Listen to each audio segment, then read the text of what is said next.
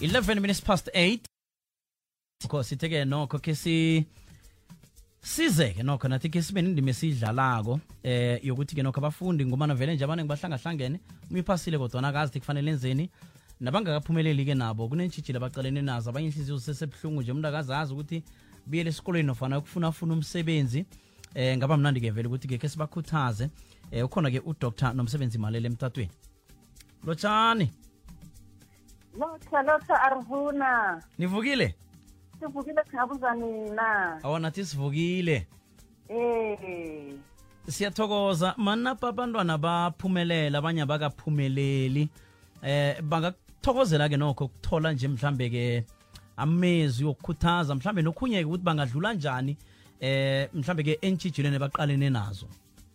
Ngiyathokoza arvuna ngiyathokoza busayi ngithokoza nabalaleli kunjalo arvuna nobusayi kunabafundi abahlulekileko kunabafundi abaphumeleleko. Your call has been placed on hold. Please wait. Eh, khuluma isikhuwa se-phd nje. Dr nomsebenzi.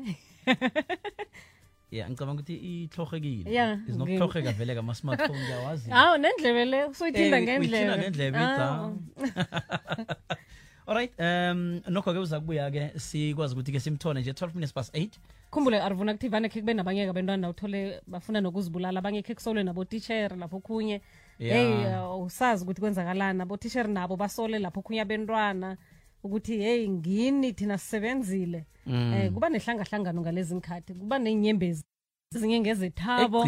Ezinye ye ekugcineni into ezenzeka ekugcineni. Ya lapho phakathi apha kuyathula. Mm. bese nasele kuphuma imiphumela khona kuvela into eziningi ezihlangahlanganisa yeah, abantu. ya ya. Um funa uyamthinda lapha ke godi ke umvezi kwenzela ukuthi simthole godu. Iintshijilo ke zona ke ziba khona emazukweni godi aphakemeko wezefunda abafundi ke Ya. Eh kufanele ukuthi bazithathele inqundo akuseselapha esikolweni anandagijinyiswa kufanele ukuthi goda athole ne-orientation ebesithi sifuna ukumnikela yona-ke emhatshweni kokwez f m. Ya lokho vele kucakathekile-ke nokuthi vele kufanele azungisele njani ngoba omunye vele uya nje eh unevalo Ya. lokuthi la ngiyakhona kunjani kuyoba njani kunani? Nagandelelwa atholakala lapho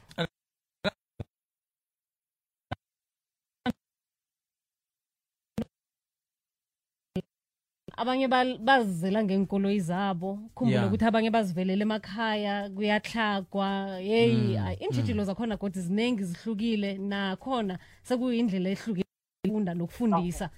Um alright um dr nomsebenzi hawa eh ifoni busayi hawa ya- yasicocela isikhuwa yathi your phone has been placed on hold? Please wait. awu awu yazi uyangirara Mm, awarakela phambili. ngithome kuphi busayi ngirakele phambili. Bosalotshisa Bos- dani ya vele kubambe nawuthi khe ngithome. Eh thoma phasi. Ah ngibawa ukunqanqabeza kubalaleli. Angazi kwenzekeni. Kodwa na beng- bengithoma ngabafundi abahlulekileko. Ngithi ukwehluleka kuyingxenye yempumelelo akunamuntu ophumeleleko inanyana ngimuphi umkhakha wempilo ongakhange ahluleke kesinye isigaba sempilo yakhe nami ngihluleke kaningi kodwa na sizakhuluma ngakho ngelinye ilanga. Okuqakathekileko ngokwehluleka ukuthi kumele ungazijayezi ukusola abanye abantu njengabona obangela bokuhluleka kwakho uzokubenzela lokho. Zitshele bona kunemphoso mntwanami okumele uzilungise zitshele mntwanami ukuthi awukenzi kuhle uzimisele ukufunda.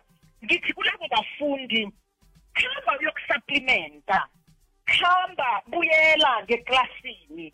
Iya kulabo abaphumeleleko uyokufunda kibo kubafundi abaphumeleleko siyangithokozela noke. Kiyo fundisi besindebele. Sithokoza abafundi abathole isindebele nge-hundred percent.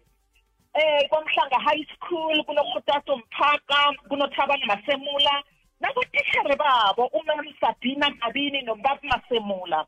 Kunofikile mnguni ephumzile eh, ofundiswe ngumam edna sibiya. Siyabathokoza khulu. Nakibo ngiba ukuthi omunye umuntu uthi isitha esikhulu sempumelelo yangomuso yimpumelelo yayizolo. Ngamanye amagama sithi zame emazikweni aphezulu phezulu wezefundo ningafiki nizigedle ningakhohlwa bona nizokwenzani. Ningakhohlwa nokuthi nibuyaphi. Ni- kuzokufanele ukuthi nizithathele iinqundo bangekho ababelethi benu.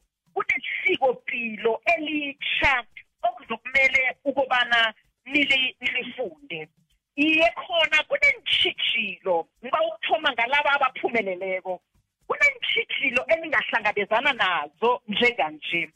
Abanye akhange ba-aplaye abafundi. Bebangakholwa bona baza kuphumelela baphumelele-ke akhange ba-aplaye kusho bona kumele bathome phasi bafune indawo la bangafunda khona. Abanye abafundi indlela abaphase ngayo kungenzeka ingabavumeli ukwenza amanye ama-degree namkha ukungena kwamanye ama-qualifications abawafunako. kumele bathathe inqundo la zokwenza amanye ama-qualifications namkha babridge benza ama-bridging courses. Kunama-university la bakuvumela khona ukuthi wenze i-bridging course. Siphila esikhathini se-covid-19 i-covid-19 isikatelela bona siyazi ikhompyutha i-covid-19 isikatelela bona into eziningi sizenze online. Ama-university akade angasebenzisi i-online ngaphambili. Ngebanga le-covid-19 sekasebenzisa i-online. Okutsho bona kumele u-aplaye online urejistare online. Sinemiraro-ke busayi no-arvuna ye-connection. Sinemiraro yedatha. Uthola ukuthi umntwana sem uyafuna uku-aplya uyafuna ukwenzani kodwana akubi ne- ne-connection. Iba kumbi kanti kubayelelisa abantwana abafundi ukubana nawubonako ukuthi unomraro we-connection zama ukuya la kune-connection khona. Ngebanga le-covid-19 omunye umraro ukuthi asisi- akusese ama-walk-ins la ungafika khona uzokurejistara uzoku-aplya kumele wenze i-appointment ufike nge-appointment. Sisebenzela emakhaya nami ngisebenzela i-university of south africa. Ngisebenzela ekhaya. Okutsho bona nakanjani kusetshenziswa ama-appointments? Izinto ezinjalo-ke zingabaqeda ithemba abafundi kodwa ngithi ningapheli amandla sithindani kunendlela esikwazi ukukurifera ngayo ukuthi oh nangu umuntu ongakusiza. Abafundi oh ngiza- ngizakunikela ngenomboro zami ekugcineni abangangithinta kizo ngikwazi ukuba rifera kubantu abangabasiza. Kunen- eh, kunentshijilo-ke eziqalene nabafundi abangakhange phumelele um eklasini laka-2021 siyazi ukuthi esithile esikhulu i-covid-19 ngiyazi ukuthi omunye umuntu olalele kwangathi nengani abanye baphumelele. Ngiba wasazi balaleli ukuthi asi-reacti ngendlela efanako. Ukuziphendulela kibo ngendlela efanako. Singaqalana nobujamo obufanako um obubodwa kodwana indlela esi-reacta ngayo ingafani kunengo okwenzekileko. Ngiba kwasizwisise abanye abafundi babhujelwe babelethi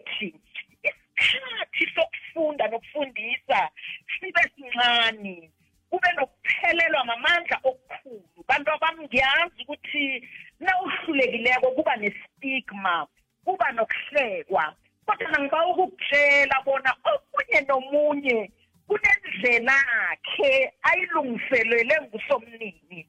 Indlela yakho kwesinye isikhathi izokubiza bonyana uhluleke ngesinye isikhathi. Usomnini akafuni ukukubulala ngokwenza njalo akafuni ukukuhlekisa ngabantu ngokwenza njalo kodwa kunezinto afuna ukukufundisa zona. Eh, ungaphelelwa mamandla ungaphelelwa lithemba akukapheli ngawe. Usomnini angakatsho bona kuphelile. Hmm. ya nokho-ke sakubuya naye-ke ngemva kokuthi-ke sijike lapha-ke entolo siyicedelele eh dr malele? Eh arvuna? Iye nokho besajike ngentolo-ke. Nokho eh manisithokozile-ke ngenxa isikhathi sizoyibamba khona la kodwana-ke kuwatsho athi vele uzakutshiya nenomboro la abantu-ke nizayikhona ukuthi niyicedelele khona. Abantu vele abane abanentshijilo abahloga ukuthi-ke mhlambe eh uthi kubakhuthaza. Bakutholaphi um ngitholakala ku-012 012 429 429 2075 75 ngibanga nokubapha i-email address yazi isebenza lula-ke yona ngombana angisho basi- bamigrate-ile amafoni wethu aku- aku-laptop. Angiyivalileko uthola ukuthi angikwazi uku- uku-accessa i- i-call. Ngiba ukupha ukubapha i-email yami bangidrobhele i-email i-email nakanjani angeze ngayimisa. Ithi m a l mhm. E l n j mhm. at unisa.ac.za singayibuyelela dr M A L E L N G dot z a. Ngizanithumelela yona busayi nangabe um na- na- na- lokhu nabayifunako bakwazi ukuthi bayithole kimi kwamambala. Okay. Sithokozile. Thokozile.